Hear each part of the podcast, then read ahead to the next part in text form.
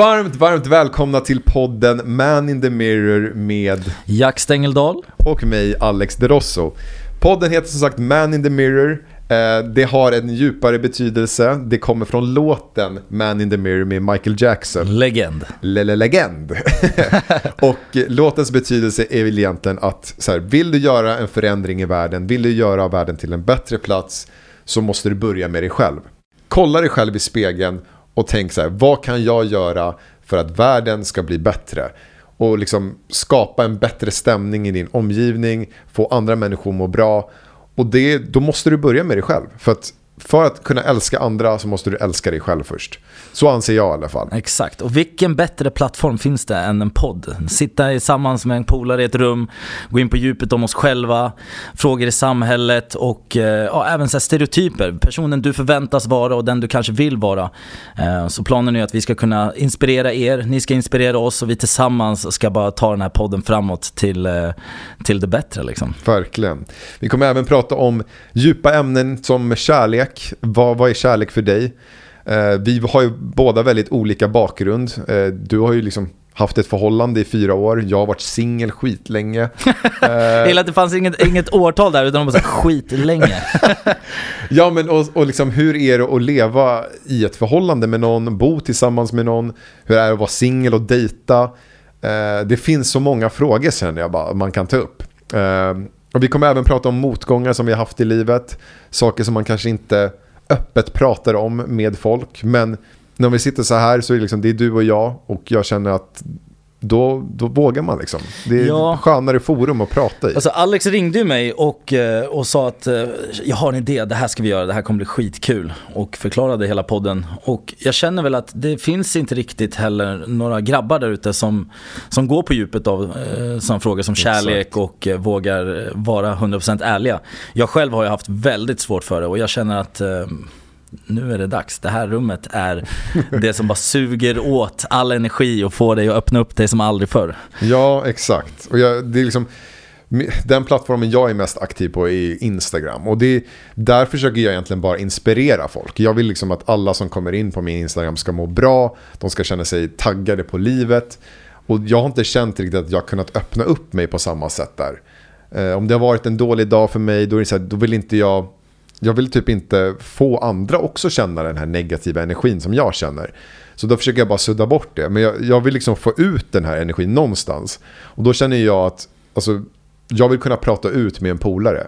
Och då tänker jag att det här är en perfekt sån plattform. Att kunna ta upp saker som man kanske inte mår jättebra över. Saker som man mår skitbra över och vill dela med sig av.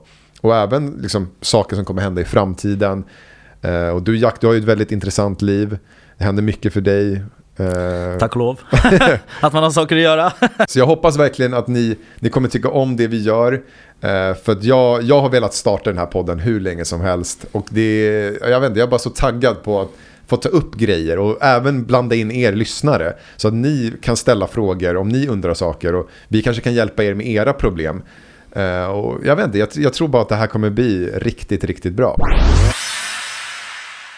Så att jag tänker vi kommer berätta lite mer senare i podden om hur liksom, upplägget kommer se ut. Hur, vilka ämnen vi kommer gå in mer på och sådär. Eh, men jag tänker först och främst så Vissa av er kanske vet vem jag är. Vissa vet säkert vem Jack är. Men det finns många av er som säkert inte har någon aning om vem någon av oss är. Så då ska ni lyssna noga nu. Exakt. Nu ska vi verkligen öppna upp oss och eh, berätta lite mer om oss själva. Så jag tänker Jack, du får gärna börja. Liksom. Jag- känner ju inte dig jättebra. Alltså vi, vi är ju polare sedan flera år tillbaka. Men vi har aldrig egentligen så här hängt. Alltså så här, du och jag bara. Alltså jag, eh, jag träffade Alex för, eh, vad är det nu, åtta år sedan? Ja, någonstans Åtta där. år ungefär. Ehm, och eh, vi umgicks väldigt mycket. Det var innan hela den här Instagram-världen dök upp för oss båda. Exakt. Och eh, hela det här sociala medielivet. Eh, då lärde vi känna varandra egentligen. Och sen dess har vi, vi har ju träffats till och från men vi har inte hängt liksom varje dag. Så att vi har ju varit vi har ju varit vänner men vi vet ändå inte riktigt mycket. Så att jag tänker att vi kan börja, jag kan berätta lite vart jag kommer ifrån, vem jag är. Eh, Så att Jack heter jag, Jack Daniel Stengeldal, jag är 25 år gammal och eh, jag är faktiskt uppväxt i Södertälje, utsidan av Stockholm, söder. Eh, Ja, Så där växte jag upp med min syster, storebror, mamma och pappa. Vi bodde i utkanten av ett förortsområde som heter Ronna. Mm. Vissa kanske vet, vissa kanske inte vet. Ni som inte vet lika bra. Men sa du, du har en lilla syster Jajamän. och en storebror. En storebror. Hur gamla är de då? Min storebror är 30 och min lilla syster är, vad blir hon, 23? Mm. Shit vad sjukt, hon är 23 mannen. Jäklar. Tiden går fort. Lilla syster, det var ju det då. Hon är inte så liten längre. Vad sjukt, jag hade faktiskt ingen aning om det. Nej, Men det är det som är så intressant och det är därför det är så kul. För att det blir verkligen ärligt i den här podden. För om vi hade känt varandra så här svinbra och jag hade ställt dig frågor, då är det så här frågor som jag redan visste. Men nu, nu vet jag ju faktiskt inte. Så det är, jag, jag tycker det är verkligen så här, det är skitnice. För vi har en så pass bra vänskap att vi trivs och hänga med varandra. Men vi känner varandra inte så här super, super bra. Fan vad intressant. Okej, men okej, du växte upp i Ronna sa du? Jajamän, så Ron, Ronna växte jag upp och eh, jag gick i, i skolan fram till gymnasiet i Södertälje. Gick vidare till eh, Rönninge gymnasium sen. Mm. Där jag gick ekonomi och entreprenörskap. Och, så vi höll på med lite UF-företag och grejer. Jag var inte alls bra i skolan. Aldrig Inte? varit bra i skolan, nej. Det var ingenting för mig. Jag hade för mycket energi. Jag var verkligen så här klassens clown. Jag tyckte mer om att göra till mig för att få uppmärksamhet än att faktiskt göra det jag skulle i skolan. Ehm, idag hade nog varit lite annorlunda. Jag känner väl att jag kanske skulle ha gjort lite bättre ifrån mig, men det är som det är. Jag sitter här nu och får spela in podd med dig, så någonting rätt har jag gjort. Ja, sjukt det är. Men, men okej, så i skolan då, men vi säger typ i, i högstadiet, för det är där man börjar liksom så här vika av. Det börjar så här, tjejer börjar bli intressant. Eh, ja men, jag vet inte om så här, Tjejer var intressant tidigare också. det var så? Det var att man Ja, vågade du ju inte riktigt prata. Man var inte riktigt mogen nog att, att eh, stand up liksom. Men eh, ja, nej men du har nog rätt. Alltså gymnasiet var väl den tiden där man, där man började tänka shit, eh, det här vill jag göra. Mm. Man började lista ut lite själv att du har faktiskt ett val. Mm. Innan så tror jag att jag var liksom, man var fast i den här bubblan med att du ska göra skolan, sen ska du plugga vidare och sen får du ett jobb. Och sen, om du inte gillar det jobbet, då kan du fundera på vad du faktiskt vill göra. Det var typ den bilden jag hade i huvudet tills, som du säger, man kom in i gymnasietiden och det var då man började, shit, det här vill jag hålla på med istället. Ja. Ehm. Men var det mycket så att du skolkade och festade istället, eller hur? Nej, nej, alltså jag skolkade faktiskt inte så jättemycket. Utan det var bara att jag var på plats men jag var inte närvarande riktigt. Ja. Utan det var massa annat. Jag, jag hade mycket koncentrationssvårigheter så jag, jag var överallt och ingenstans. Jag var rolig att ha i klassen på, när vi inte var på lektion. På lektion var jag hemsk. Shit. Men berätta lite om dig själv då. Vart är du ifrån och Mm. familj och... Eh, mitt namn är Alex. Eh, jag heter ju egentligen inte De Rosso i efternamn. Eh, Det vet Så- ju jag faktiskt. Så det, det är ju en grej som säkert många av er som lyssnar kanske trodde att det är mitt riktiga efternamn. Jag heter faktiskt Algren i efternamn. Så Alexander Algren. Eh, och det, det är inte så många som vet det faktiskt, men nu, nu vet ni. Det går ju inte att kolla på dig och bara shit, Ahlgren. Nej men jag, jag vet. Så, att, så att det var lika bra. De Rossos, det, det känns som en coolare image på dig liksom. Det passar. jag, känner, jag känner att det är, alltså det känns som att det är jag. Mm. Liksom. Och jag, eh, det är egentligen ursprunget från det namnet är att mitt första namn, mitt födelsenamn är Alexandros. Så det är det mitt första namn är på riktigt. Och då, jag kallades alltid för Rossen när jag var liten. Det var liksom mitt smeknamn. Så folk trodde jag hette Rossen. Det var liksom så inbitet, det smeknamnet. Sjukt. Eh, och eh, sen då när jag, skulle, när jag började DJa när jag var 20 så, um, så ville jag ha ett artistnamn. Och då kände jag så här, men jag måste ha... Jag, först hette jag DJ Rossen och det kändes... ja, du, du, du hör ju. Ja, Du okej. hör ju. Förlåt. Wow, det var inte meningen att skratta så mycket. Ja, du- det låter ju som att du det. gör sån här, sån här norsk eh, russebussmusik, du vet. Det är eh, 14 stycken människor på 10 kvadrat i glitterklänningar och vo- volanger som dansar till någon... Ja, Oh, shit. ja men det, det var väl lite den feelingen jag kände också. Så jag hade det namnet kanske ett halvår. Och jag kände väl typ att det var inte rätt på något sätt. Och jag bara, men jag måste ha, jag vill ha någonting med Rossen för det är så alla känner mig. Ja. Så då ställde jag upp typ mitt namn, eh, Alexandros. Och så bara Alexanderos, Alex Deros, Alexan, Alex Deros. Och jag bara, fan Alex Deros, Alex Derosso, Alex Derosso. Alex Derosso.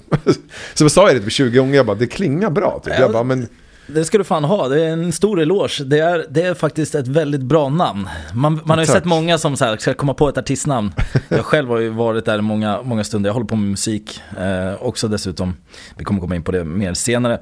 Men eh, då, då kände jag också så här, när man ska välja ett artistnamn, det är väldigt svårt alltså. Mm. Ja, men det, det, det ska klinga, det ska inte finnas någon annan som heter det. Det är så många så parametrar för att det ska vara ett bra namn. Eh, och det fanns faktiskt en som hette Alex de Rosso, någon gitarrist på 70-talet typ. Men han har med DE, så Alex DE Rosso. Så då bara okej, då kan jag inte ha det. Så då gjorde jag med en apostrof istället, så D apostrof Rosso. Eh, och det funkade, för det är ingen annan som heter det. Så jag bara, men nice liksom. Nog om det. det, det är i alla fall det som är ursprunget till, till, till Det mitt var namn. värsta spåret här, men skitkul ju, shit. Ja. Ja, Nej men så, jag är 30 år, eh, uppväxt här i Stockholm. Eh, och eh, ja, vi sitter förresten i Stockholm för er som inte vet det. ja i en bunker. Ja, det, det, det är ganska mysigt. Det är mm, vita väggar, ganska hy- hyfsat högt i tak. Eh, men det är fortfarande så här under jorden. Typ. Ja, vi har så här skolampor, såna här långa slingor som ni vet som satt typ i matsalen. Det är lite täckta rör, vi har en whiteboardtavla, en fläkt, eh, mycket utrustning för att få den här podden att gå runt. Och sen du och jag är ju huvudingrediensen. ja, exakt. Eh, så det, där fick ni en liten inblick i hur det ser ut. Och jag tänkte vi kommer även, vi har ju en egen Instagram också som vi kommer ladda upp lite saker på. Så vi kommer visa hur vi sitter och uppdatera mycket från, från podden och ge er så här sneak peeks och sånt. Så att ni får jättegärna följa oss där, Jack och Derosso heter vi där. Ehm, men i alla fall, jag är 30 bast från Stockholm. Ehm, jag flyttade runt väldigt mycket när jag var liten. Så jag flyttade till Huddinge när jag var sex tror jag. Men innan dess så bodde vi allt ifrån Vällingby, eh, bodde i Enskede Gård, Globen, eh, bodde i Rinkeby ett tag. Eh, och det var verkligen en upplevelse. Alltså, det är så sjukt hur man märker Alltså vart man växer upp har jättestor påverkan, alltså inverkan på hur man blir som människa. För att jag bodde där i ungefär åtta månader. Eh, och jag förändrades direkt. Alltså från att vara den här kidden som liksom pratade så här, ren svenska, allting var liksom... Jag var helt liksom en normal svensk kid i princip. Fast jag har en utländsk farsa. Till att jag började bryta på alla möjliga olika sätt. Ehm, ing, alltså jag kan säga att i min klass då när, jag, när vi bodde i Rinkeby så var jag den enda som hade en svensk förälder. Så lärarna var inte svenska. Det är sjukt. Eh, så vi på ett halvår fick lära oss alltså alfabetet A till F. På ett halvår. I, första klass, förstår du? Så det var... Så hade jag bott kvar där så hade mitt liv sett verkligen helt, helt annorlunda ut. Eh, och sen så flyttade vi till Huddinge och då blev jag direkt typ... Alltså jag blev lite utstött för jag hade en annan, ett annat sätt att vara på. En annan jargong liksom. Ja, men jag pratade alltså, väldigt mycket brytning. Eh, jag gick runt och pekade 'fuck you' till folk. Var, var, var du arg som liten? Jag var arg liten? jättearg. Ja. mycket aggressioner. Och kort stubin som fasen alltså. Någon typ petade på mig, jag alltså lackade sönder Då bara direkt. slogs du. Men det var, det var den jargongen som var i Rinkeby. Det var, alltså, man gick i ettan, treorna, jag hackade på en direkt. Alltså man blev liksom mobbad och, och man var tvungen att tuffa upp sig för att liksom, ta sig igenom dagen. Så det var den jargongen jag fick med mig då när jag flyttade till Huddinge. Eh, och då blev det liksom, jag flyttade till ett typiskt svenskt kvarter där alla i klassen var svenskar. Eh, och då blev jag liksom den här blatten eller invandraren som kom in i gruppen. Men det är där du bor i, i, eh, i, i huset nu. Exakt. För där det- har jag varit en gång vet jag. Ja. Ja, jag har varit, jag har varit med dig hemma en gång. Det var, det var typ åtta år sedan. Ja, men det, det är familjehuset där, eh, där morsan bor. Så där växte jag upp och i ett litet ställe, Myrängen kallas det. Eh, Så gick lågstadiet där. Sen gick jag Solfagre i mellanstadiet. Ehm, och sen högstadiet gick jag i något som heter Kvarnbergaskolan. Det är en ganska så här känd typ högstadieskola. Eh, Och sen eh, gymnasiet i Sjödalsgymnasiet som ligger i Huddinge centrum. Eh, min skolgång var väl, alltså, jag kan säga så här, jag har varit, jag har gått min egna väg i princip hela mitt liv. Jag har alltid så här, tagit mina egna beslut. Eh, jag har aldrig typ fallit för grupptryck. Eh, det var väldigt mycket så i skolan att gänget, liksom, det coola gänget.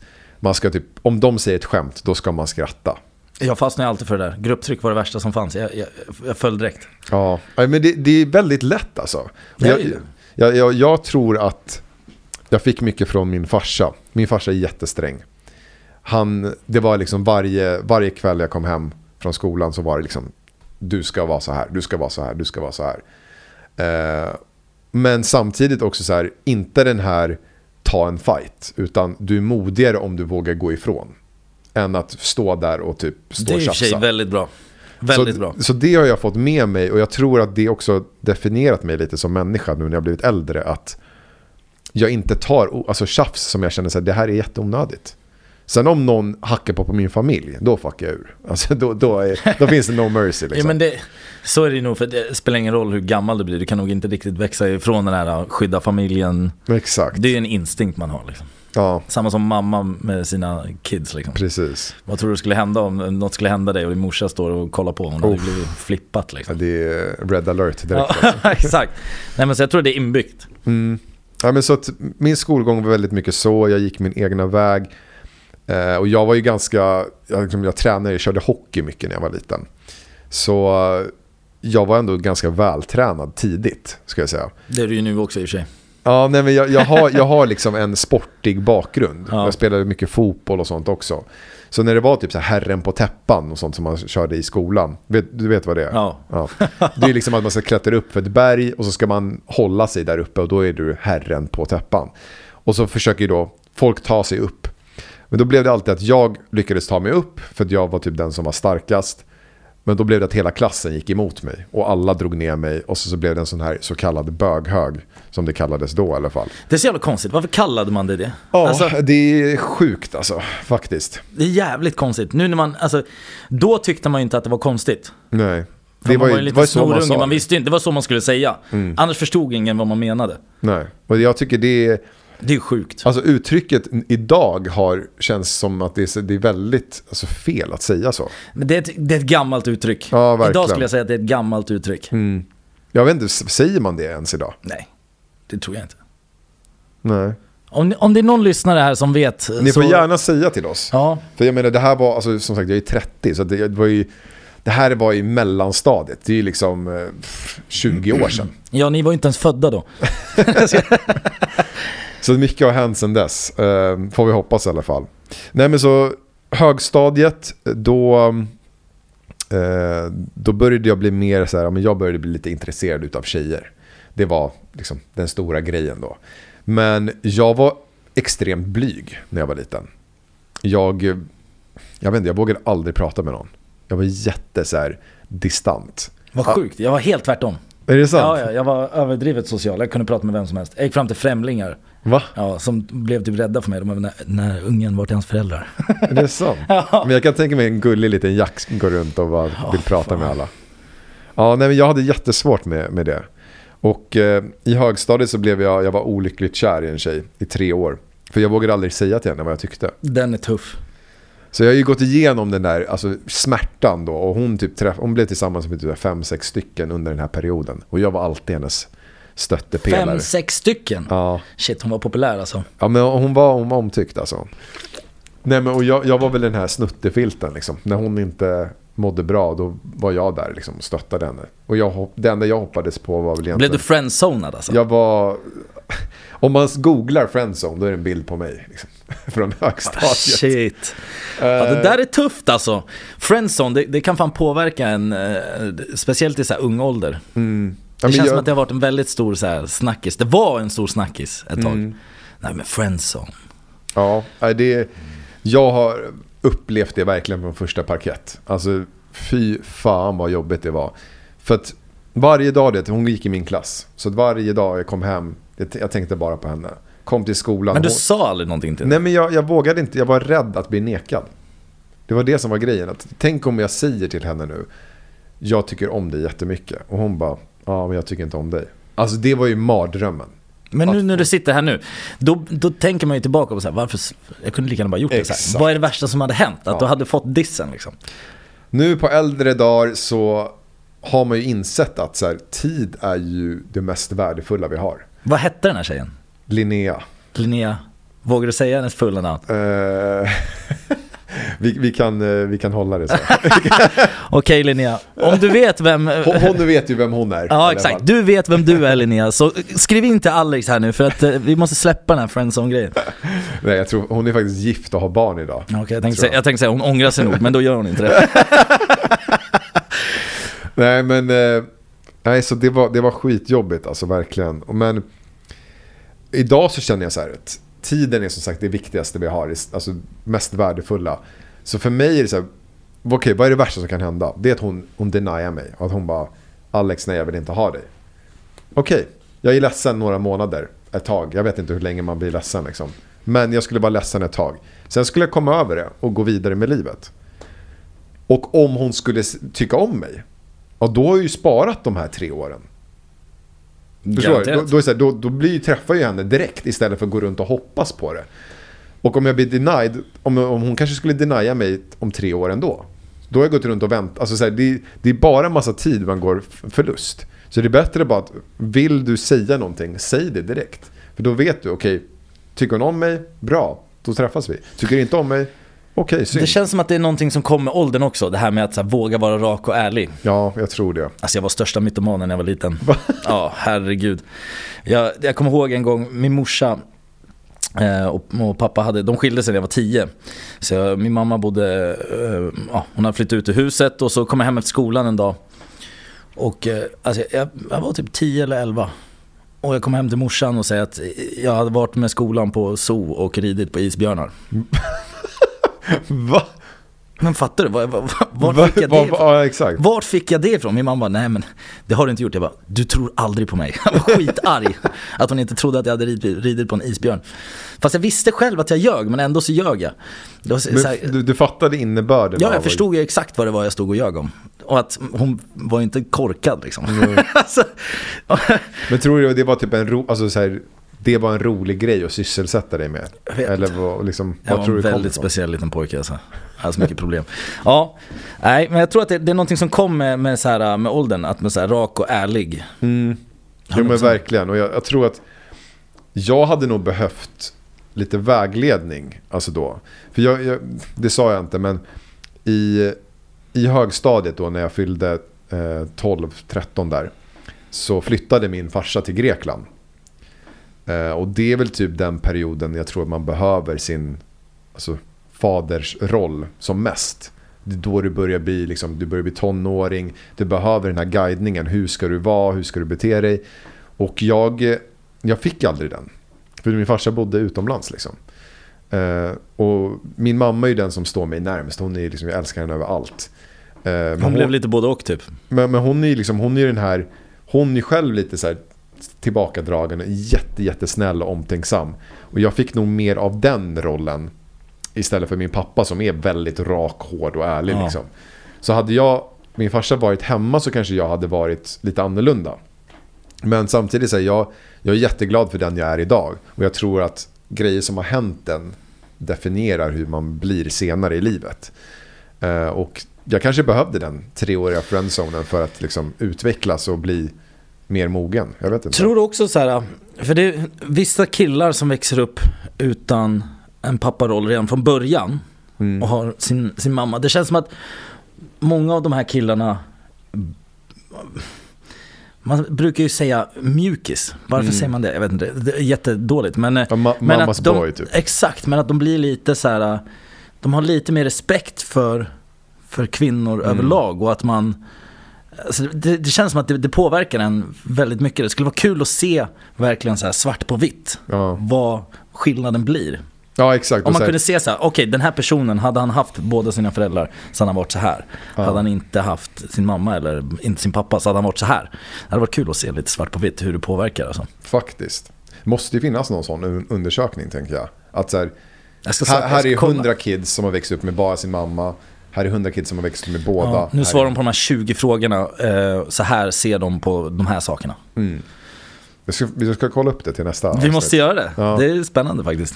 Nej men jag tror verkligen att hur man blir lärd som ung, alltså som barn och hur ens förhållande ser ut. Vi säger om, om du bor med båda föräldrarna, om de är jättekärleksfulla mot dig eller om de inte har tid att vara med dig påverkar ju jättemycket hur du blir senare i livet. Och du tar nog ut mycket av frustration som man får hemma. Att om du inte får säga ditt hemma då kanske du tar ut det i skolan och måste sätta dig på andra kids bara för att du vill kunna hävda dig och ta ut din typ aggression. Det är sånt man önskar att man visste dock också när man var ung. Att det finns faktiskt eh, någon sån i varje klass liksom. För det känns som att det fanns alltid någon som hade de här mm. bekymren som man inte visste om. Som konstant kanske till och med blev den som gick runt och mobbade sönder folk. Exakt. Men det fanns en, en bakomliggande grej liksom, som var anledningen till att den här personen var så här. Mm. Man kunde inte bara förstå, man tänkte bara fan den här personen är riktigt skadad. Han är, ja. han är ju helt störd. Liksom. Man blev förbannad för att de betedde sig så dåligt. Men det grundar ju sig i liksom hur man blev lärd hem, hemifrån. Hur, hur är det när han är hemma, eller den tjejen eller killen? Att får inte den liksom kärlek eller uppmärksamhet eller föräldrarna kanske dricker på helgerna eller vad det nu kan vara. Som gör att de inte får den här, det här behovet av, alltså de får inte den här bekräftelsen av att de är typ älskade. Då, då, blir man, alltså, då går man typ snett i livet. Redan därifrån. Och det, sen så är det klart att det finns de som, jag vet flera som eh, kanske inte hade den bästa skolgången. Men som blev jättelyck, alltså det gick jättebra för dem efteråt. Men du sätter ju alltså väldigt ofta en, så här, en väg när du går i skolan, hur du är som person där. Hur ditt liv kommer se ut senare också. Uh, och för mig med det här med, typ med kärlek och sånt, det påverkade ju mig jättemycket. För jag blev ju, jag blev ju lite förstörd av att så här, jag har jättesvårt att öppna upp mig efter det. För att säga, okej, okay, jag gick och väntade på henne i tre år typ. Alltså, liksom, man blir, man blir störd i huvudet. Det värsta är att det är så här, det, man går och säger bara så ja ah, men jag väntade i tre år. Och samtidigt så hon har inte haft en blekaste aning. Grejen var så här, i slutet nu, mm. så hon, eh, hon visste ju om. Alltså hon visste ju om att jag tyckte om henne. Inte att du sa någonting utan det så här, du, du vet att hon började fatta. Alltså hon, grejen var att jag... Hon visste säkert långt innan det. Ja, ja. Tjejer alltså... var ju smartare än killar i ung ålder, så var det ju. Ja, men grejen var väl egentligen att jag vi satt ju och pluggade mycket tillsammans och jag följde med henne hem så efter skolan. Och, vet, jag var alltid där för henne. Jag, jag gjorde så romantiska saker. Cyklade hem till henne mitt i natten med rosor och choklad. Och, alltså jag gjorde Alltså, alla, alla det, kan, grejer. Det kan ju vara romantiskt, det beror på om du knackar upp på hennes fönster mitt i natten eller visste hon att det skulle komma. Nej men det var, hon, hon mådde dåligt. Ja. Hon var ledsen ja. över typ någonting med sin dåvarande pojkvän. Ja, eller sitt, eller sitt du var ex. verkligen i friendzone. Ja. Yeah, och då kom okay. jag dit och höll henne i handen. Liksom. Du alltså. är ju en bättre människa än mig på alla sätt och vis. Shit! Men, så Stackars hon, hon, lilla Alex. Om, hon visste om att jag tyckte om henne. Ja, Linnea, fan dig alltså. Men jag tror det, för det är det som är så sjukt. För att i slutändan av den här historien så i, eh, när, vi, när vi gick ut nian då då var det så här, men det är skolavslutning och allt sånt där. Så efter det så då åkte jag till Grekland på sommarlov. Och då, min farsa bodde ju där. Så då prat, berättade jag om det här för honom. Och jag, jag och min pappa har aldrig haft riktigt den här öppna diskussionen om kärlek och känslor. Men då kände jag bara nej, nu vill jag ta upp det här. Så vi pratade om det och då, då sa pappa bara men skit i henne typ. Alltså bara seriöst, du har väntat på henne i tre år. Det är inte värt det. Du förtjänar bättre typ. Så då sket jag i henne. Då. Då. Då kom hon. Då. Då kom hon. Ja. Uh, så det blev ju, vi blev ju tillsammans efter det. När jag kom hem. Va? Men va? Linnea förlåt, jag tar tillbaka allt jag sa. Men, då, då var ni ju med varandra till slut ändå. Så till slut, efter tre år, så blev vi tillsammans. Victory. Men, då var, alltså du vet, då har jag gått runt i tre år. Och bara längtat efter det här. Så förstår du typ om du är men då blev det ju bra till slut. Nej, men det blev aldrig det. För att det, alltså jag hade byggt upp de här förhoppningarna ja, till så var det inte skyarna. riktigt vad det blev. Ja, Okej, okay, fattar. Och det, jag trodde jag bara, det här kommer bli liksom min första riktiga flickvän. Typ som så här, det här kommer vara, det här är mitt liv. Typ. Alltså hon kommer vara mitt liv. Men så, så blev inte det den känslan. Och då bara, nej, det var inte värt det. Varför vänta tre år? Jag kunde direkt, direkt frågat henne första, andra veckan. Typ så här, bara, men jag vill träffa dig. Men istället så drog jag ut på det och bara slösade alla de där åren. Jag egentligen kunde ha gjort annat typ. Eh, Ja, Så att med det sagt för er som undrar där ute om ni, hur ni ska göra om det är någon ni är intresserad av. Alltså vänta bara inte tre år. var bara ärlig och säg det. Eh, för att ni, ni, kommer, ni kommer uppskatta det själv sen. Och om det är någon som tycker om er, hade inte ni uppskattat om de sa det till dig också? Istället för att gå runt i blindo och bara typ inte veta. Jag uppskattar verkligen om någon säger så här Alex, jag tycker du verkar vara en bra person, jag vill ta en dejt med dig. Än att så här, gå runt och inte säga någonting. Men man får ju respekt för sådana människor. Verkligen. Våga Alltså, ta fram. Även om, alltså, det är så här, även om, nu har jag inte varit eh, singel jättelänge här nu, men eh, eh, även så här, typ som nu, personer som jag aldrig trodde skulle vara intresserade av mig. Mm. Har liksom mm, kommit fram och, och varit rak och ärlig och liksom bara så här, shit jag tycker du är eh, skitnice, skulle vilja gå och käka middag. Mm.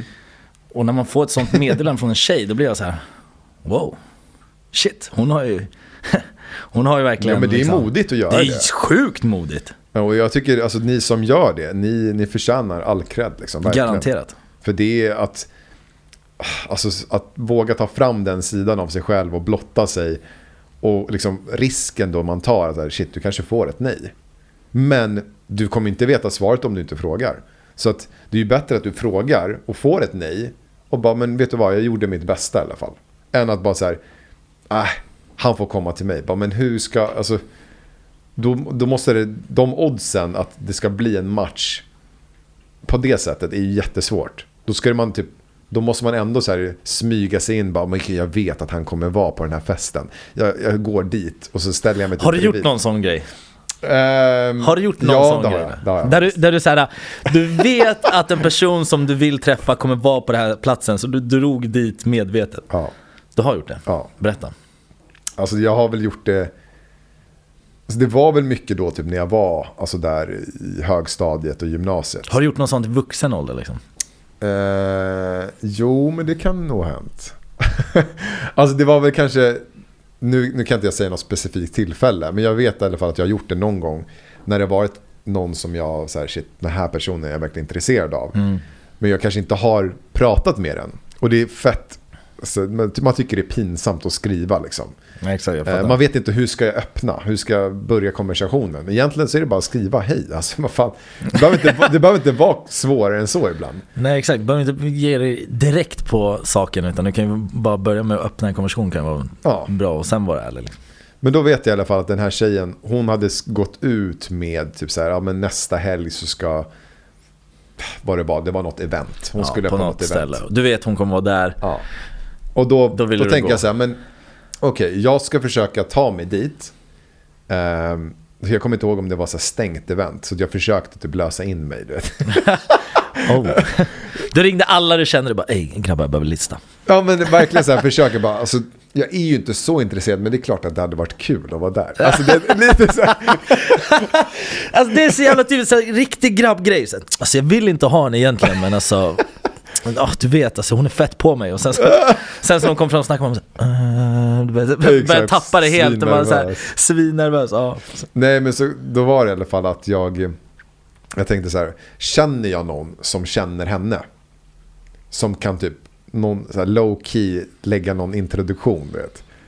Ehm, men så kände jag inte någon, så då var det typ att hon stod i baren och då får man ju typ så här Shit, hur många drinkar köpte du? Nej men, nej, men det var så här, jag, jag, vill inte, jag vill gärna inte öppna med att bjuda någon. Alltså jag vill kunna fånga ens uppmärksamhet det, det, där, på där ett känner annat jag, ja, sätt. jag fattar. Så det var väl typ att jag, jag ställde mig i baren, eh, liksom antingen då mitt emot så man kunde få ögonkontakt, se, få, ser man personen, ser hon mig? Om hon kollar på mig och kanske, då kanske man ler. Ler hon tillbaka, då har man lite så här, man har någon ingång i alla fall. Då kan man senare på kvällen, får, man ögonkontakt igen, boom, då kan man gå fram. Då har man liksom två signs. Typ så. Eller typ att man står lite bredvid, man typ så här, man står pratar med bartendern, kollar sig lite så här, kollar sig omkring, kollar om hon typ står bredvid. Man bara, ah, hej. Alltså det här är Alltså- så långt ifrån eh, min vardag just nu och senaste åren. Så det här är, jag känner att du måste uppdatera mig med det här gamet. Du måste... Alltså, ska jag vara helt ärlig, jag, jag har inte... Du det här var ju game. på yngre dagar när man var ute och alltså man verkligen så här, nu är jag ute och festar och jag typ så här vill träffa någon. Mm. Nu har det inte varit riktigt samma sak. Hur länge har du varit singel nu? När var du senast i ett sådär förhållande, förhållande liksom? Ja du, alltså så här, mitt senaste riktiga förhållande som var så här offentligt förhållande, det var tio år sedan. Det är helt sjukt alltså. Det är helt sjukt att säga tio år. sjukt. What? För grejen, jag har, jag har, jag har träffat Tjejer, tjejer. hur lyckas ni se till att den här grabben är singel i tio år? Vad är det för fel? Nej, jag kan helt ärligt säga, det har inte varit fel på tjejerna. Det, alltså, det har varit mig. Alltså, Ja. det, har, det har varit jag som inte har varit redo. Ja, men det är skönt att du säger det. Jag vill inte outa det här, men det måste vara du. Nej, men det, det är verkligen att Eh, efter det här förhållandet då för tio år sedan. Så det var min tjej och hon, hon var otrogen mot mig. Eh, och det, det är liksom typ någon av de så här, bland de värsta känslorna jag någonsin har känt. Att du har litat på någon blint och den personen bedrar dig. Den känslan är, jag önskar verkligen ingen. För de som har blivit, har haft samma upplevelse, ni vet vad jag snackar om. Och för er som inte haft det, jag hoppas med allt att ni inte kommer känna det. För det är, det är riktigt hemskt. Så det är alltså. det som har skrämt dig liksom? Från att... det, det har gjort mig jättenojig att våga lita på folk. Men har det varit tillfällen där du har träffat någon där du känner så här, shit, jag kanske ska ta steget? Ja, alltså, som sagt, tio år, det är många år sedan. Jag känner, det må- det måste ha hänt någonting under de här tio åren, eller har du bara gått runt och kört fickpingis? Nej, jag har faktiskt, jag har ju dejtat tjejer. Jag har dejtat tjejer i alltså, omlopp, så här, ja, men, två år med en. Och sen så gick det kanske ett halvår, sen tre år med en annan. Och det är liksom, det var typ att man träffades och båda var lite så här på samma noter. Att Ni det var ingen, dejtade i tre år? ja, men jag vet inte om man kan kalla det dejta heller. För det var Ett typ att, mellanläge typ? men båda var så här, det var ingen som ville ha förhållande. Båda hade känt att man hade träffat någon ganska länge. Men man, tri- alltså man trivdes i varandras sällskap. Och det var så här, man hittade på saker. Eh, men det var ju mest liksom att det var mysigt. Man sågs en, två gånger i veckan. Hade filmkväll, alltså den här klassiska grejen liksom. Ja, men man bara umgås och ser, det, bli, det blir vad det blir liksom. Man sätter ingen stämpel på det, man ställer inte så mycket krav och frågor utan man bara trivs i varandras sällskap. Precis. Och så tänkte jag typ så här, jag bara, men om man börjar känna någonting, ja men då, då är det väl rätt. Och då, det blev ju att man började tycka om de här de tjejerna som jag träffade. Det, var väl, det är tre tjejer som jag har haft en sån, liksom, sån relation med. Så man började tycka om dem mer och mer hela tiden. Men sen så hände det alltid någonting. Typ att det var, det var någon fest och sen så den tjejen jag träffade, hon var extra på någon kille och det, vi var kanske inte, man hade inte bestämt vad man var. Det där är tufft. Och så blir man det, så man blir typ svart, lite svartsjuk. Jag kanske det, då började jag snacka med någon tjej, då blev hon svartsjuk och så Det, blev man typ lack. det, det måste ju vara så lätt hänt när man inte ställer något krav på varandra. Så att egentligen är du ju fri till att göra vad du vill, Mm. men egentligen så är du ju inte det. Nej, exakt. För att det är så här, teoretiskt sett så tycker man att det är fel. Om Mm. du träffar någon, ni dejtat länge, så skulle du gå och vara med någon annan. Ja. Så tycker man att det är fel, men egentligen så har de ju tillåtelse till att göra det. För att man inte har pratat eller ställt de kraven på varandra riktigt. Det är där man måste typ vara ganska tydliga med varandra tror jag. Alltså, jag har ju absolut inte varit tydlig tidigare. Och det, det kan jag känna, jag har sårat tjejer på grund av att jag inte har varit tydlig. Och det är någonting som jag alltså verkligen har här, jobbat på. Att jag, jag vill, det är det värsta jag vet, att såra någon. För att jag gjorde det, jag brydde mig inte typ när jag var yngre. Jag tyckte det är så här, men jag träffar någon, vi har båda sagt att vi inte ska ha ett förhållande, fuck it typ. Och då, så här, då tänkte inte jag på att, alltså hennes känslor. Hon kanske mår skitdåligt över att jag står och pratar med, med andra tjejer på grund av att jag jobbar som DJ. Det blir ju att man, man är ute och minglar liksom hela tiden. Man är ute och DJar, efter gigget står man och pratar med folk. Men jag kanske inte brydde mig på det sättet att så här, hon kanske tycker det är jobbigt att jag står och pratar. Men jag bara, men vadå bryr sig? Vi har ändå inget förhållande. Du vet, lite så här ung och naiv, dum. Typ. Ja, det blir ingen bra. Det blir inte bra.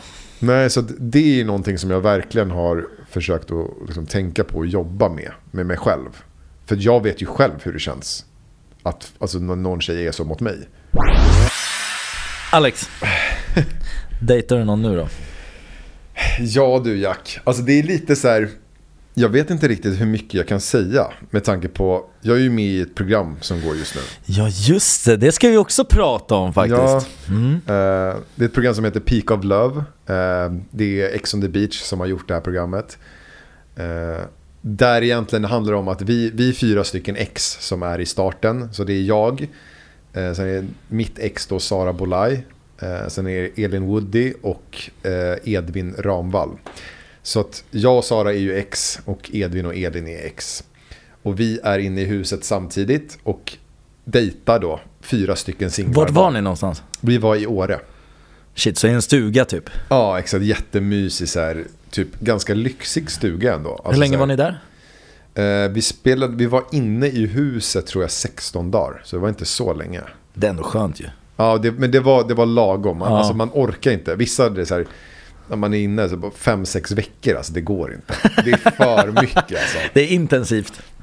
Så, ja men det var väl egentligen att vi gick ut med i höstas att vi skulle vara med i det här programmet och då fick folk söka in för att dejta oss. Okej. Så det är lite annorlunda koncept från eh, hur tidigare X-program har sett ut. Ehm, så att då vi har ju ingen aning om vilka som kommer in utan det är ju produktionen som, som har liksom hand om alla ansökningar. De har handplockat folk liksom, som de tycker det här blir bra. Ja, och eh, då får man ju då, de frågar ju en liksom så här djup intervju. Bara, men Alex, vad är du ute efter? Vad letar du hos en tjej? Eh, och då har jag liksom mitt, jag har ju liksom framhävt de grejerna som jag tycker det här är det jag letar efter. Och typ att det ska vara en tjej som är äventyrlig, gillar att resa, gillar träning. Hon kan få gilla att gamea för det har också varit en stor del av mitt liv. Liksom. Eh, och utseendet har väl inte varit så här någonting som jag prioriterat att hon ska se ut på ett visst sätt. Men sen självklart så gillar ju jag tjejer som gillar att motionera och gillar träning som är liksom hälsosamma. Eh, sen i vilken form. Jag, jag gillar, jag skulle säga att jag gillar kurviga tjejer. Som har former liksom. Mm. Eh, så Kom var det in typ- någon sån då? Eh, alltså vi det- ska inte spoila för mycket kanske. Nej, det har inte gått så långt. Det, jag tror det sjätte avsnittet har nyligen släppts. Ja. Ehm, och det kommer vara, det är 12 avsnitt i programmet. Så det är, ja, det är hälften ungefär. Eller ja, ganska precis, inte ungefär. Eh, nej men så att i, i det här programmet då, så det är först och främst när jag tackade ja till programmet. Jag är med för att jag faktiskt letar efter kärleken. Jag ville, jag ville hitta någon som jag vill spendera mitt liv med. Eh, och jag har alltid varit lite skeptisk med de här programmen. Ska man kunna hitta någon liksom? Men på något sätt så har jag så här ändå haft hoppet att man kanske kan hitta den som man verkligen vill vara med i ett program. Och det här är ju då, de har ju handplockat folk som ska vara bra matchade med mig. Så då tänker jag, men jag ger det en chans liksom. Eh. Ja, alltså jag, jag bara kan flika in och säga, jag, jag hade ju riktigt, eh, jag hade typ samma inställning. Jag gjorde ju Ex on the beach för, eh, för lite över fyra år sedan nu. Jag hade ju samma inställning bara, Ja. man kommer inte träffa någon och bli i ett förhållande, det kommer inte hända. Ja, du, men Eh. du är ju faktiskt praktexemplaret på att, Det gick. att det gick, exakt. Nu i efterhand så nu, nu är vi inte tillsammans längre men, eh, men vi hade ju väldigt bra år liksom, ett par stycken. Och jag träffade ju mitt ex i, i ett sånt program liksom. Mm. Och det var också så, jag hade ju ingen plan på att hitta kärleken. Så Nej. jag tror att det går liksom inte riktigt att ställa, är, är rätt person så är det rätt person. Sen så, man vet ju inte hur det ska avslutas heller. Nu sitter jag ju här och är, är singel så att, eh, så att eh, det var ju kanske inte riktigt 100% rätt. Men eh, oavsett så, jag tror att det är fullt möjligt. Jag, Ja. jag är väl ett exempel på det. Och jag, kan, jag tänker också, det är, alltså jag vet att det är väldigt många som är intresserade av att höra mer om hur er relation har varit. Och man har ju inte Ja. fått se någonting egentligen. Jag har varit väldigt tyst också. Det har varit väldigt tyst. Mm, alltså jag, jag- Även som polare så vet jag ingenting. Förstår du? Så att jag är ju jättenyfiken och jag vet att jättemånga andra är nyfikna. Men jag tänker nästan att vi skulle köra ett typ separat avsnitt där vi går djupare in på just kärlek. Där jag också kan berätta mer om alltså typ mina tidigare relationer med till exempel med Sara och så också. Eh, att vi kör ett separat. Det låter som en plan. Eh, Jag har så liksom får ni inte... ställa in frågor också, tänker jag. Ja, jag har, inte, jag har inte kommenterat så mycket om mitt breakup och eh, allt som har, som har hänt. Jag, jag har inte tyckt att ta det offentligt har varit rätt steg för mig. För att liksom komma ifrån och må bättre själv typ. Utan jag kände att jag behöver ta tid och ta hand om det här för mig själv innan jag blandar in resten.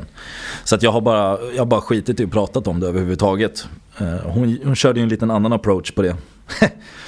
Men hon- hon en har väl- gått ut en väldigt annorlunda approach, ja. Så att, eh, och det, om det funkar för henne så är det klart att det är så hon skulle ha gjort och det det hon gjorde. Men eh, för mig så var det verkligen att jag, jag kände att det var väldigt privat. Jag eh, ville inte gå ut och prata om det liksom så. Men eh, Mm. nu så. Nej, men jag, jag fattar det helt. Alltså, det är klart, man har varit tillsammans i fyra år.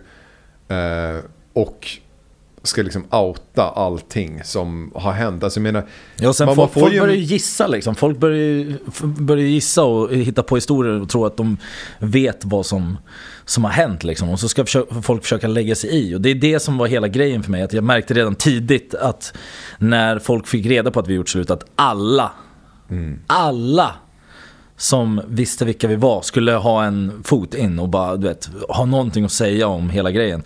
Och direkt när det började, då kände jag bara shit, det, det här kommer jag inte palla med.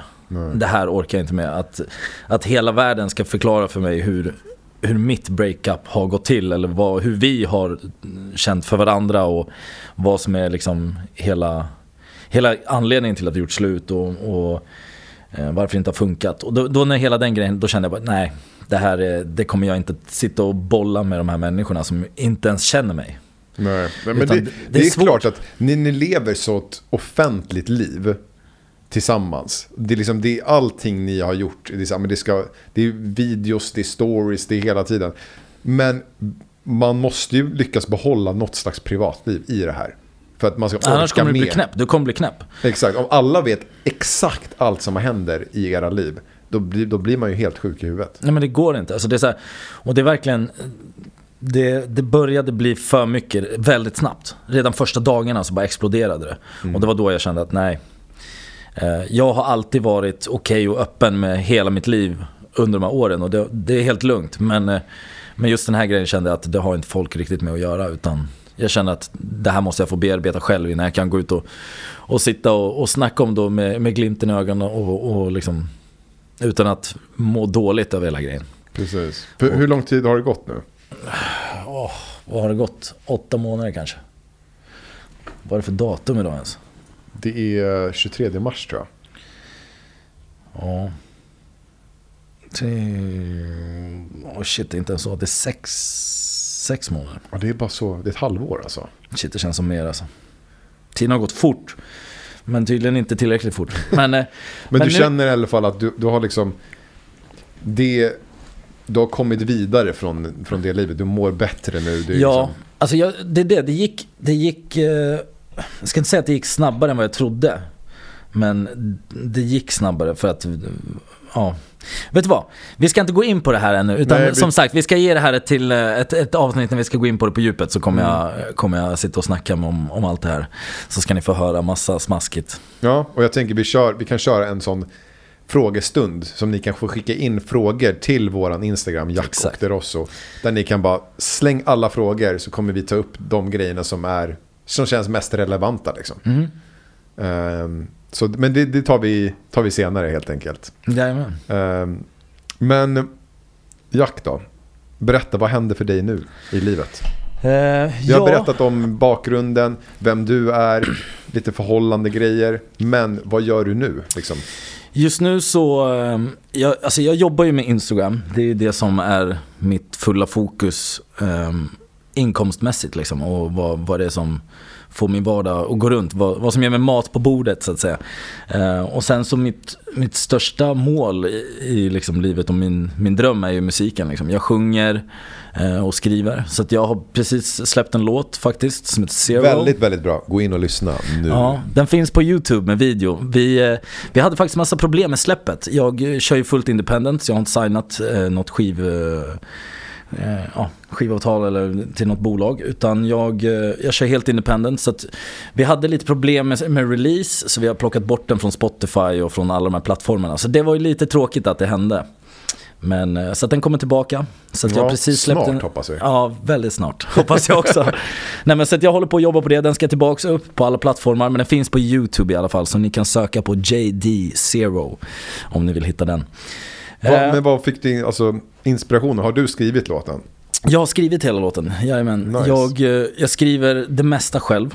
För att jag tycker att det känns mest rätt.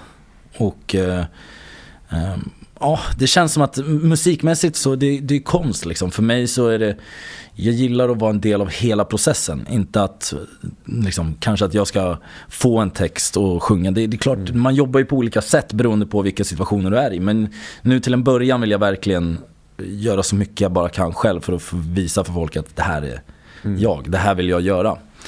Så att, eh, ja, musiken är mitt fulla fokus faktiskt just nu och jag bara försöker få ut all musik som vi har jobbat på. Oh, shit, det har varit länge nu. Två år typ snart. Shit. Sen jag började träffa den här producenten som jag jobbar med nu, Samuel heter han. Svinduktig kille, världens bästa. Så att eh, vi jobbar hårt han och jag och innan dess så har det bara varit en process för mig att hitta folk och jobba med, rätt människor. Det är så svårt att få en fot in liksom, i musikbranschen när man inte har någon kontakt överhuvudtaget. Ehm, och jag gjorde ju Idol Just det, 2017. just det ja. Så att det var typ efter det som, som det tog fart och jag började träffa lite mer människor i branschen. Och ja, den ena känner den andra och det var det som löste den situationen jag sitter i nu. Så att eh, det är det som händer faktiskt. Nice, nice. Mm. Själv då, vad Spännande. händer? Förutom programmet, du har ju det här eh, smarriga programmet, men utöver Ja, det? för mig så, jag satsar mycket på musiken också. Eh, jag har väl släppt, jag har släppt två låtar hittills i år. Kommer, det är två låtar nu som är i princip klara, som jag kommer släppa nu fram till sommaren. Eh, som är, ja, jag, jag tycker om dem jättemycket. Alltså jag tror verkligen stenhårt på dem. Mm. Ehm, så det, det är mycket med det. Sen så som sagt Instagram är väl också den plattformen där jag jobbar mycket med sociala medier, samarbeten och sånt. Och det är egentligen inte det jag brinner för. Alltså jag, jag har typ blivit nästan tvungen att syssla med det för att jag, jag jobbar ju som DJ annars liksom. Det är ju mitt main-yrke. Ja, den har ju varit tuff nu under hela den här härvan alltså. Alltså det, är- förstår du, det är ett år sedan Corona kom. Ja, jag har ju en till polare som också är DJ som har, det är samma sak där. Han, Ja. han, det står still liksom. Det är som att bli arbetslös under en period liksom. Ja, men det, alltså det, och jag hade så mycket planer alltså förra sommaren. Alltså det är så många gig som blev inställda och det, jag hade så mycket sånt. Så det var, det var riktigt så devastating för mig. Med, hela den här perioden har varit jättejobbig. Så jag var bara tvungen att liksom hitta på andra saker. Ja. Eh, så då har det blivit mycket mer sociala medier, samarbeten, eh, starta upp ett företag. Eh, som, Ja, jag sitter ju här och kollar på en väska som ligger på soffan här bredvid. ja, exakt. Eh, du kan ju berätta lite om det. Ja, det är, företaget heter Wide. Det är vattentäta väskor som är väldigt lätta som man kan ha med sig till i princip var, vilken aktivitet som helst. Extremt snygga för er som inte ser hur den ser ut just nu. Men den är, den är kamofärgad liksom i... De, ni har flera olika färger va? Det är Exakt. orange. Vi har orange, rosa, eh, blå och grön. Och nu har vi även fått in en nyhet som är helt svart och den är, den är riktigt clean alltså. Så vi har inte riktigt, eh, vi har inte lanserat den än för vi håller fortfarande på att ta massa bilder. Men eh, ni får jättegärna gå in och kolla på, på vår hemsida på Wide. Så um, widesweden.com. Widesweden.com. Jajamän. Ja, men de, de är riktigt sköna. Värsta pitchen. Jag använder dem faktiskt till allt. Alltså det är... Den är väldigt snygg. Väldigt, väldigt snygg. Tack, tack. Bra jobbat faktiskt. Eh, och sen så, det här med podden har ju jag tänkt på väldigt länge. Liksom. Jag har ju velat kunna öppna upp mig och prata om saker. Jag känner inte att jag, inte får, jag får inte ut det jag vill säga på Instagram på samma sätt. Det blir så himla Det, ytligt. det är svårt att Det sätta bara- upp en Insta-story och bara säga Hörni, jag har tänkt på en sak. Så här mår jag just nu. Ja. Det är inte väldigt lätt. Det finns ju vissa som gör det. Jag har ju sett självklart. Det finns många som är duktiga på det. Men jag är inte heller riktigt där ännu. Jag känner inte riktigt att det är plattformen där jag vill gå ut och prata om de grejerna. Nej, och så, så blir det så här, man ska köra frågestund.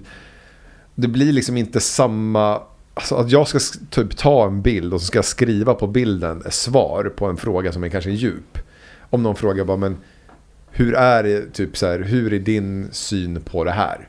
Och ska man skriva en text. Alltså är, man får liksom inte fram budskapet på samma sätt som om man pratar om det. Nej. Och man kan liksom kanske inte prata, liksom gå in mer på, på djupet i den frågan. För det blir så här, ja, men ska man lägga tio stories i rad om samma grej? Alltså det, blir, det blir konstigt bara. Ja, men då är det ingen som kollar. Nej, Det, det, folk slutar lyssna liksom. ja, och det, folk är inte intresserade. Folk vill bara se att det ska hända saker. Eh, så jag, jag känner att den Den biten kommer jag ta mer hit. Så att har ni frågor så är det jätte, får ni jättegärna ställa dem så kommer vi ta upp det här. Jag såg någonting, det var, det var det är ett tag sedan nu, men det var väl i, var det i Danmark? Var det Paradise Hotel Danmark? Ja, det var kaos. Där det var någon snubbe, vad, vad var det han gjorde? Uh, Slog han henne eller vad gjorde han? Jag tror att han slängde någonting i hennes ansikte eller något sånt. Eller han kallade henne något namn också. Det är ja. det sjukaste. Ja, det, ja, det är accepterat. Men hur, hur, för att jag tänker så här, de här programmen, man går igenom ett så här, man sitter ju med psykolog. Jag kommer ihåg själv mm. att jag satt med psykolog och pratade bara för att de skulle kunna värdera om du var stabil nog för att göra en sån här grej. För det är ju ändå en sjuk utmaning ja. att kliva in i ett så här dårhus med de här människorna. För att man själv går in med inställningen om att så här, det här ska vara galet. Ja. Så att alla går in för att vara den galnaste versionen av sig själv och, och du vet, ha skitkul. Och så är det bara sprit inblandat, det blir aldrig bra. Nej. Men hur kunde de inte göra typ en värdering på den grabben till exempel? bara säga, fan den här killen är ju helt, han är inte stabil för fem öre. Nej, och jag tror att hans kvinnosyn var också helt off. Alltså, ja, nej men det, jag såg tror, det vet man ju. Han, man såg ju på det. Jag, ja. jag såg det här klippet. Och jag, jag ser bara hur han, han får mod i ögonen när det ja. kommer till den här tjejen. Man bara... Ja, jag tror han ryck tag i henne och slängde ner henne på sängen. Men alltså, alltså. Ja, men det, han var väl typ så... dubbelt så stor som henne. Det var, det var ingen liten kille, eller hur? Det var en ganska bitig Ja, snubbe. exakt. What the fuck? Men det var riktigt så testo-grabb som... Eh... Men det, det, det, är det som är så grejen. För att de tar med en sån person. Och då, då blir ju det att det är det folk ser då. Han blir ju någon tänker... sorts alfahane också, så grabbarna vågar inte riktigt säga någonting till honom. Och alla bara står där och låter han göra sin grej. Nej, precis. Så, och då har de ju liksom då är ju det alltså, bolagets fel, alltså tv-produktionen. Att de tar in en sån person för att det, alltså, det, det sabbar ju, alltså både hela, alla som är med får ju någon slags stämpel att ja, men det är, för det, han är ju då frontface, för det är det här som syns. Exakt. Då tänker alla att det är så här killar är. Ja, exakt. Bra jobbat. Uh, och uh, så, jag vet inte hur han lyckades komma igenom den här psykologgrejen. Men jag tror att de Alltså det har blivit så desperat att få tittarsiffror. Precis så som det blivit på sociala medier. Att man ska få följare och likes. Så, så har det nog blivit att tv-produktionerna har också. Bara, vi måste få in så spårade människor som mm. möjligt. Den här killen är helt sjuk. Och han bara, shit han kommer göra bra, alltså han kommer göra tv. Och det lär de Sen om det är bra igen. tv eller om det är dålig tv kanske de skiter i. För de vet att det kommer bli mycket, alltså många som kommer kolla på programmet. Det är också så här, skulle du, skulle du anse det som bra tv att ta med en sån person? En, en snubbe som går in och bara skriker sönder och är hårdhänt mot tjejerna. Skulle du anse att det är bra tv på sättet att de får, det blir ju en skandal. Ja. Så alla ser ju. Så på så sätt så, programmet blir ju riktigt stort. Mm. Men räknas det fortfarande som bra tv? Det skulle jag inte säga. Nej, verkligen inte. Alltså för, det... mig, för mig är bra tv är när det, alltså det händer mycket och det är heta diskussioner. Eller hur? Det ska, vara, det ska vara spännande är, på ett positivt sätt. Exakt, mm. men så fort det är fysiskt. För jag kommer ihåg det, de sa det när, när det dök upp. Och så här, ja men det är ju bra tv. Fast det är ju inte det. Nej. Men det, det är ju inte bra tv. Det är väl som det här säget med typ all marknadsföring är bra. Men det, den som hittar på, det, den som hittar på det är någon som sitter hemma framför datorn istället. Och, och speciellt alltså så som liksom hur samhället börjar ta, liksom att det börjar bli mer jämställt och att kvinnorna får sina, sina röster hörda. Eh, så är det där helt fel riktning. Alltså det där är som att gå tillbaks till 40 år. För att den där typen, den där riktig macho-killen som ska så här veta så här, det här är typ, typiskt den här killen som så här, kvinnan som vet hennes plats i hemmet. Hon ska inte få säga det här. Alltså, åh, jag vet inte, jag avskyr sådana. Fy fan. Oh. Frågan är, hur kommer det gå för den här grabben i efterhand nu? Ja, han, lär ju, han lär ju få vad han förtjänar i alla fall. Men det är det som är så alltså, sjukt också. För att Danmark, jag tror de har en helt annan... Alltså sättet. Ja, det är det också. Med, alltså samhällssättet de har. För att vi som sagt i Sverige börjar bli mer och mer jämställt. Men alltså, jag tror de ligger långt tillbaka. Alltså. Det är så pass nu, nu nära. Det borde, det borde ju vara relativt men jag, jag vet Same. också mer hur det är om du, om du kollar så här, politiskt sett, vilka som styr landet i Danmark. Så har jag, för, jag har för mig, jag ska inte säga för mycket, men jag har för mig att det är väldigt, liksom väldigt, väldigt högerstyrt. Att det mm. är i princip, alltså de har, ja men det är typ S, alltså Sveriges SD som styr i, i Danmark. Shit. Och att det är då, förstår du, mycket av befolkningen där har ett annat syn, alltså Ja, annan en, syn på en livet. annan syn på det, ja exakt. Eh, så jag, jag, nu, jag kan inte säga för mycket och jag är ledsen om jag har uttalat mig fel. Eh, men Ja, jag är ingen eh, person att fråga om Danmarks politik, det kan jag säga. Men jag tror att det, det kan ha någonting med det att göra. Och det kanske också är att det sitter typ gubbar i den produktions... Eh, som bara, de castar, de bara det här är en riktig man typ. Och de anser att det är den stereotypiska mannen. Så här ska en man se ut. Medan jag tycker det är helt fel. En man, för mig, är någon som kan ta hand om andra människor och visa medkänsla. Eh, och vågar du öppna upp dig om känslor så visar det att du är starkare än att du inte vågar visa upp. Att du ska ha den här muren. Att det är så här, du är känslokall, du ska kunna ta skit. Va? Vad fan är det? Vadå kunna ta skit? Okej för typ tusen år sedan när du var ute och jagade för att överleva i jagade vildsvin liksom. Och du ska kunna brottas med djur typ. Men det är så här, fan vi lever inte i ett sånt samhälle idag. Va? Jag gör ju det hela tiden. Men då är det så här, ja du ska inte, du ska kunna klara av. För det, det var, var så man överlevde. Men i dagsläget så är det helt annorlunda. Men det, det känns också som, som att folk har börjat tänka på det här mer och eftersom att bara vi sitter här nu, två killar och pratar i en podd om sådana här saker känns ju inte heller som att det är någon riktigt ehm, som har vågat göra tidigare heller. Nej. Och jag tänker bara på ehm, en kompis, Victor Lexell, som släppte Svag, den har garanterat ja, hört. Exakt. Uff, Och den låten, alltså det blev den mest streamade låten i svensk historia på Spotify. bra. Eh, och den låten handlar ju om just det. Alltså Ja, en ja, kille den- ska, du vet, du ska klara av att lyfta flera tusen kilo. Ja. Ehm, liksom så här, du ska inte visa dig svag men, men, Precis. men vi är ju det. Vi, vi är också svaga. I stundvis så är vi lika bräckliga som vem som helst. Mm. Jag tror att det var också det som gjorde, speciellt den här låten och texten, um, känner jag ju låtskrivaren väldigt bra. Och jag bara vet så här bakgrundsfaktan till hela den här, och det, det är just det här ämnet med att killar ska vara ska tuffa och du vet, vi ska Mm. klara av att göra de här sakerna. Och det, samma sak med, jag läste ju om 80% av alla som tar självmord är killar. Ja, det är... Och jag, jag, alltså, helt ärligt så tror jag det beror mycket på att killar inte vågar öppna upp sig och prata om saker. Så de håller inombords. Eller? Och det är så här, tänk dig typ en klassisk så killgrej att ja, vi säger att man ska gå ut och bada en sommardag och det är så här ett 10 meters högt stup. Och då är det så här, men vadå, vågar du inte hoppa eller? Kom igen. Exakt. Är du feg eller? Ja. Och då är det den här grupptrycket, du ska klara av det för du är kille. Och det är sånt som gör att man mår dåligt. Och Snubben hoppar och landar helt fel och slår ihjäl sig och så bara, Ja. bra jobbat. Så att sån psykisk ohälsa tror jag förekommer väldigt, väldigt mycket på grund av att man inte vågar ta upp saker. Och speciellt i, i grupp så vågar man, man ska, man ska ha en image, du ska vara cool. Jag vet, samma med, om du kollar film, tänk, tänk film way way back liksom. Om man kollar på sådana här collegefilmer eller liknande så är det alltid så här, det sitter fem tjejer i en säng i ett sovrum och pratar om grabbar och Mm. om känslor och du vet, de vågar vara öppna med varandra. Men det är ju inte, killar gör ju inte den grejen. men då står de så här, vem kan halsa ölen snabbast? Exakt, de, de och sveper fyra flaskor vodka och sen är det någon som bara, jag ska dra av med den här bruden nu. Vet. Ja. Det ska vara så här riktigt tuffa grabbar och det, man ska vara hård och du vet, skita i. Och det, det finns ju liksom inte riktigt längre.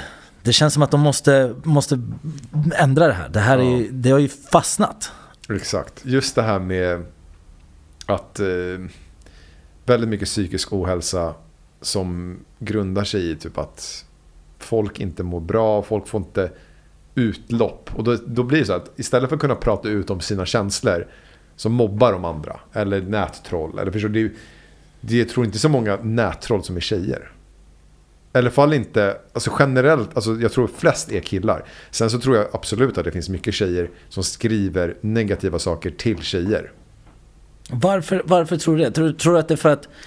För att Jag tror det är mycket så här, avundsjuka, att så här, hon, alltså till exempel, det är väldigt så här, många använder ju mycket så här Photoshop och filter och grejer. För att de vill se, det här, du ska se ut som att du är den, den här stereotypen, den perfekta bilden av en tjej. Du ska ha ett visst utseende. Vilket jag också tycker är helt fel. Ja, alltså det har gått för långt. Man ser tjejer med fillers som har ändrat hela ansiktet. Alltså jag har bara tjejkompisar som jag träffade för liksom bara 6-7 år sedan. Som ser inte ens ut som sig själva idag. De har bara gjort, de har bara gjort och gjort och gjort och, Så gjort. blir De, de bara fyller på och- grejer i ansiktet. Exakt. Snart- jag tror att det, också, det påverkar ju alltså yngre tjejer. Att känna att de vill också se ut så. Och så, så börjar det bli tid, tidigare. Så mår de inte bra i sig själva för att shit, jag har inte så här stora bröst. Eller jag har inte de här kindbenen eller vad det Du ska se vara. ut på ett sätt och du ska vara på ett sätt. Och då blir det bara den här, alltså den, den spiralen av att folk får dåligt självförtroende. Och jag har, hade jättemycket komplex när jag var yngre. För att jag, alltså många grejer som jag bara kände att typ, jag vill se ut så här, jag vill vara så. Så såg man typ någon så här supervältränad med sex, alltså sexpack. och- Ja, för jag vet ju, jag vet ju viktresan som du har gjort. Mm. Alltså, du sitter ju här och är värsta dunderhunken nu, men det ligger ju lite jobb bakom det också. Alltså du, du har ju tränat stenhårt. Mm. Var det också en sån grej liksom, så här, från början? Var det ett komplex? Ja, alltså jag har ju alltid sportat så jag har ju alltid hållit igång. Eh, men sen så har jag haft perioder där jag har mått sämre. Där jag har ätit, alltså jag har alltid haft ett sötsug. Det har varit liksom en av mina största weaknesses. Eh, och sen så generellt, min, min pappa är, han är född i Brasilien men uppväxt i Grekland. Och det är väldigt fet mat. Eh, Väldigt god mat. du vet, jag har varit uppväxt med mycket sån hemlagade, så här feta, oljiga maträtter. Så då blir det att man äter mycket. Och då har jag fått den liksom, det var naturligt för mig att äta mycket. Så jag växte ju och blev liksom ganska så här, vad säger man, Eh, välbyggd. Om man säger så. Eh, Men då när jag inte håller igång med träningen, då utvecklas ju det till ett annat sätt. Och då får, läggs det ju på fett istället. Eh, Så det var en period i mitt liv där jag alltså, mådde dåligt på grund av att det hade tagit slut med en tjej som jag hade träffat. Hon, hon, var väldigt, hon var väldigt svartsjuk. Så att hon... Ja, men hon, hon, gjorde det så här, förstör alltså. hon gjorde ett så här fake Facebook-konto. Och försökte ragga upp mig. Ja, perfekt. Eh, Så hon försökte sätta en fälla på dig liksom? ja, Ja. och ah, jag, jag, jag catchade henne. Att det var hon liksom. Så det tog ju slut där. Eh, Bra Sluta- jobbat! slutade inte så jättebra. Eh, samma veva så hade jag slutat typ träna. Jag åt bara massa skit. Jag DJade ganska så här, hyfsat mycket så, men jag krökade ännu mer.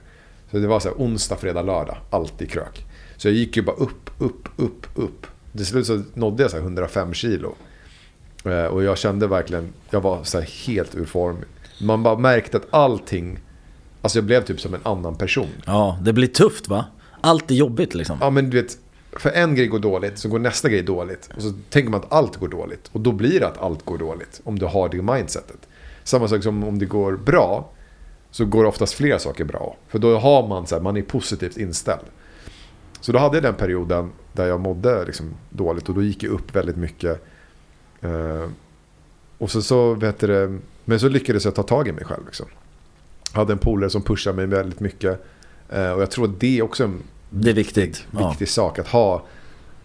Att man ska hålla sina vänner nära. Liksom. Som behöver en bra omgivning. Mm. I alla fall för att ta ut, ta dig ut ur så mörka hål. När du sätter dig i en grop liksom och, och blundar och bara gömmer dig. Ja. Så tror jag att det är viktigt att det, det behövs vänner som kommer och, och hjälper dig upp liksom. Man stänger gärna ute. Jag är För man- expert. Spe, alltså, jag tror speciellt killar Jag är stänger expert ute. på det. Alltså jag, jag har alltid haft problem med att prata eh, känslor överhuvudtaget. Alltså jag har... Det, jag vet inte varför eller vart det kommer ifrån. Det är ju något underliggande från min uppväxt. Jag vet inte varför. Jag har, jag har så jävla svårt att lita på människor. Mm. Jag litar inte på någon. Alltså ingen. Fortfarande, till mina bästa vänner. Jag, jag är ärlig med dem och säger det också bara så här. Jag litar inte på folk, tyvärr. Och jag vet inte varför det är så. Det är samma sak varför jag inte kan öppna upp mig. Jag har svårt att prata om känslor. För att jag har... Jag har lärt mig att de gånger jag har mått dåligt så har jag liksom bara... Jag bara bitit ihop. Och så sitter jag för mig själv och så har jag löst det för mig själv. Att så här, shit, okej nu mår jag dåligt. Det är bara jag som kan hjälpa mig ut ur det här. Men det ska inte riktigt vara så heller. Nej. Det har man ju Nej, men lärt det sig är det- nu. Att det är så här, du kan ju faktiskt ta hjälp av andra. Men jag har aldrig varit en sån person. Aldrig. Jag har alltid varit så här, shit nu mår jag dåligt. Jag måste göra någonting. Det Och är så därför funkar man det har vänner. Alltså, precis så som du hjälper dem i svåra situationer ska du ju ha att de hjälper dig när du mår dåligt. Det är till och med familj. Jag har inte ens kunnat ta hjälp av familj heller. Nu har jag ju världens bästa familj som har, har funnits där ändå. Som känner mig in och utan till och vet hur jag är. Så de, de tar ju det steget när de vet att shit, och de märker på mig att jag mår dåligt. Då tar ju de upp det. Och liksom tvingar ut informationen från mig. Men jag, jag är väldigt dålig på, typ som, som nu, om jag skulle ha någonting som bekymrar mig så skulle jag inte kunna sitta här nu med dig. Eh, nu sitter vi och pratar i podden men om vi hade suttit bara utan all inspelning så ska jag sitta och prata med dig och förklara läget. Det hade, det hade inte kommit automatiskt för mig.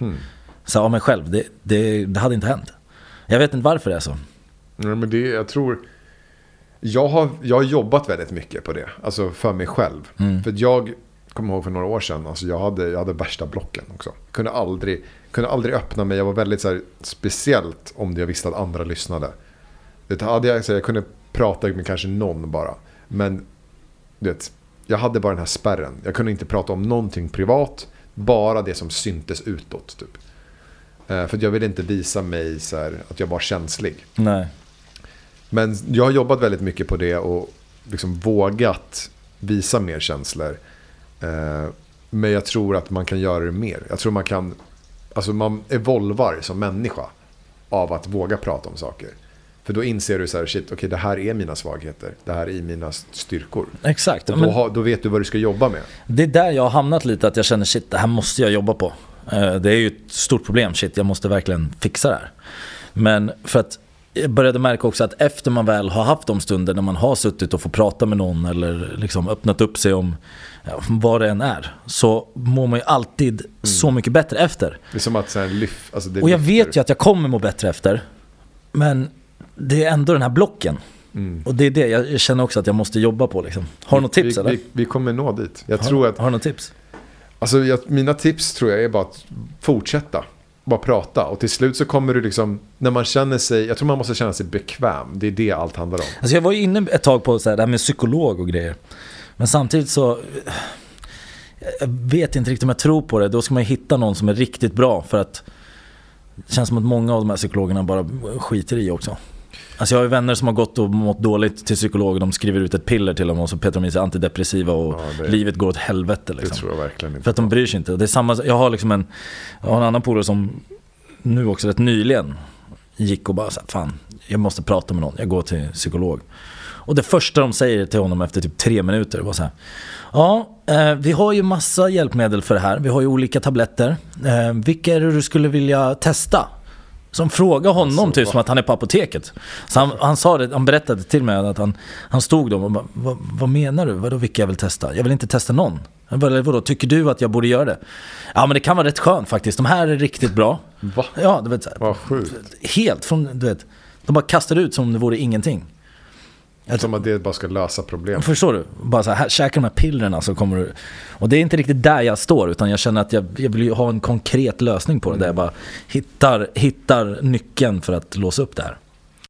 Eh, nej, men jag tänkte faktiskt att vi skulle ta ett avsnitt och prata om just motgångar. Eh, någon gång framöver. Där vi verkligen fokuserar på saker som är skitjobbigt. Det kommer vara ett väldigt painful avsnitt. Eh, och jag, jag vet att jag kommer... Alltså, det kommer vara jobbigt. Man kommer känna så här...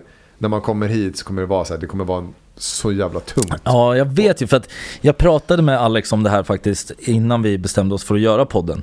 Så sa jag till honom att det är en av de största anledningarna till varför jag vill göra den här podden är för att jag vill bli bättre på det här. Just den här delen. Att, att våga öppna upp sig och speciellt eftersom att man har varit så offentlig så är det jag har väldigt lätt för att gömma saker för att jag inte vill att de ska veta. Ja. För att jag är rädd för att kanske bli dömd eller kanske för att eh, folk ska ha någon åsikt eller Ja men du vet, man, man, vill, man vill bara vara safe. Jag, jag är hellre safe när det kommer till mitt så här, det emotionella. Då är jag hellre safe och inte berätta någonting. Det är ju Eh, läskigt att blotta sig. Alltså det är, det Som är fan, naturligt. det är fan skitläskigt alltså. Men jag tror att tjejer generellt sett, alltså i unga ålder, får lära sig att du ska kunna göra Mm, det. det är okej liksom. Du, du ska kunna öppna upp Gråt, dig. det är lugnt. Men som kille så får man inte den. Du får inte den här det är okej att vara ledsen, att må dåligt eller gråta. Nej, det det- du ska det- klara av att hålla det där. Det känns som när någon får en son, så när sonen föds så bara så här, bara putta han på ryggen, bara, här är världen, gå ut och njut, fan lär dig saker. Få en dotter och säga wow, wow, wow, wow, wow, sakta i backarna nu. Mm. Ska du vara här hemma ett tag, nu ska du veta så här och så här är det till, akta dig för det här och det här ska du inte göra. Och Mm. Det känns som att man är mer protective och det är så här för att du känner saker och du, det, här, det är okej att känna så här men då ska du hantera det på det Medan jag har en grabb, och så här, pappa jag mår dåligt. Okej, vad, vad, vad vill du ha? Vill du ha godis eller vad vad vill du ha? Ja, exakt. Det Istället känns för att att man- prata ut det. Exakt, istället för att eh, när man sitter där på djupet och snackar. Min farsa har varit väldigt, väldigt duktig faktiskt. Jag och min pappa har en väldigt, väldigt bra relation. Så jag har alltid kunnat prata med sånt om min pappa. Min pappa har ju typ varit den enda som jag har öppnat upp lite grann. Men det är för att han är, han är precis som jag. Så att våra så här, på djupet konversationer, så här, hur mår du? Jo, nej men det är bra. Alltså det, mår lite dåligt. Han bara, ja, men det kan ju bli så ibland. Ja, och så vet jag att han förstår exakt vad jag menar för vi har den dynamiken. Så han, han vet ju att jag mår jättedåligt egentligen men jag är inte så bra på att öppna upp det. Så, så vi kan ju ha den dialogen, jag vet att han fattar och då mår jag ändå bra för då känns det typ som att jag har sagt allting men jag inte har gjort det. Men annars i vardagen så, så har man ju lärt sig att nej, det går inte. Du ska inte vara ledsen och det, du är killen, vadå gråta? Det ska du inte göra. En annan grej som jag tänkte att vi också ska ta upp i podden är att vi vill gärna hylla folk. Alltså vi vill gärna ha någonting som kallas för veckans hyllning. Där vi ger varsin hyllning till någonting bra som har hänt under veckans gång. Eh, någonting som man själv kanske har gjort eller som man har sett någon annan göra. Bara för att sprida positivitet och kärlek. Eh, och sen tänker jag även att man ska göra veckans gärning. Vilket innebär att man själv måste faktiskt göra någonting. Och det behöver inte vara något jättestort. Det kan vara simpla saker som att bara hälsa på folk. Bara, Ett, ett steg närmare helt enkelt. ja, men öppna upp det mer och våga liksom säga saker. Det kan vara att du eh, hjälper någon med kassarna från eh, mataffären. Det kan vara att du eh, som sagt hejar på folk eller att du ger någon en komplimang. Eh, Så jag tänker att för varje vecka så ska vi gå igenom veckans hyllning och även då veckans gärning. Mm. Eh, Så veckans gärning, det blir du och jag då, då och hyllningen blir till den utomstående eller? Ja, exakt. Så att tills nästa avsnitt så ska vi ha gjort någonting bra, något positivt. Som vi tar upp då i nästa avsnitt. Och sen även då någonting som vi har sett andra ha gjort. Nå- någon hyllning till antingen någon av de som har lyssnat. Kanske skickat in att ja, men jag gjorde det här. Så man ger typ en liten shoutout. Eller. Eller att man, om man har sett någon på sociala medier eller bara ute i, i världen så att säga, har gjort någonting bra. Att, typ att någon, kanske, någon, någon positiv sak har hänt. Och då man bara tar upp det som en, som en hyllning helt enkelt. Det är riktigt bra. Eh, och sen så tänker jag även att ni lyssnare ska få ställa frågor till oss. Eh, och det kan vara allt möjligt, allt möjligt ni tänker er. Och även om ni har något problem. Till exempel att ni har börjat dejta någon och ni vet inte hur ni ska gå tillväga. Eller att ni är tillsammans med någon och eh, det känns kanske inte helt hundra och ni behöver hjälp. Hur ska ni gå tillväga där? Jag och Alex är ju inga psykologer ska vi ju eh, nämna kanske först. Så att, räkna inte med att så här, det vi säger är kanske alltid rätt. Men vi vill självklart finnas här för er och hjälpa till. Så att eh, vi kommer göra vårt absolut bästa från vårt perspektiv på saken. Och eh, så får ni ta och göra med informationen som ni vill. Precis. Men vi känner ändå att så här, vi bryr oss om er. Eh, och vi är jätteglada att ni har lyssnat på vårt avsnitt och jag hoppas att ni kommer fortsätta lyssna. Eh, vi kommer som sagt gå in mer på djupet i väldigt många ämnen. Eh, både ledsna och eh, glada ämnen. Ja men planen med det här är ju att vi ska kunna öppna upp oss för er, eh, ha dialoger och känna att vi sitter här och växer som personer och får komma härifrån med ett leende på läpparna och samtidigt veta att ni är med oss i det här så vi kan hjälpa er och ni ska även få ett leende på läpparna i slutet av dagen också. Vi är så glada att ni är här och lyssnar med oss. Ja, Ja, så att, och eh, för er som inte vet då. Jack, vad heter du på Instagram? eh, Jack Stängeldal på Instagram och så har ni min kära vän här. Mm, Alex De Rosso heter jag. Alex D. Rosso. Sitter ihop. Så ni hittar oss där, där kan ni följa lite uppdatering om både vad vi gör utanför podden och samtidigt vi kommer uppdatera om, om podden där också. Men framförallt så har vi ju våran Instagram, Som heter Jack och De Rosso. exakt. Skriv till oss och vi, eh, vi ser fram emot att eh, få se era frågor. Så, men tills vidare, vi hörs vid nästa avsnitt. Tack så hemskt mycket för att ni lyssnat. Det här var Man in the Mirror med Jack och Derosso. Puss och hej.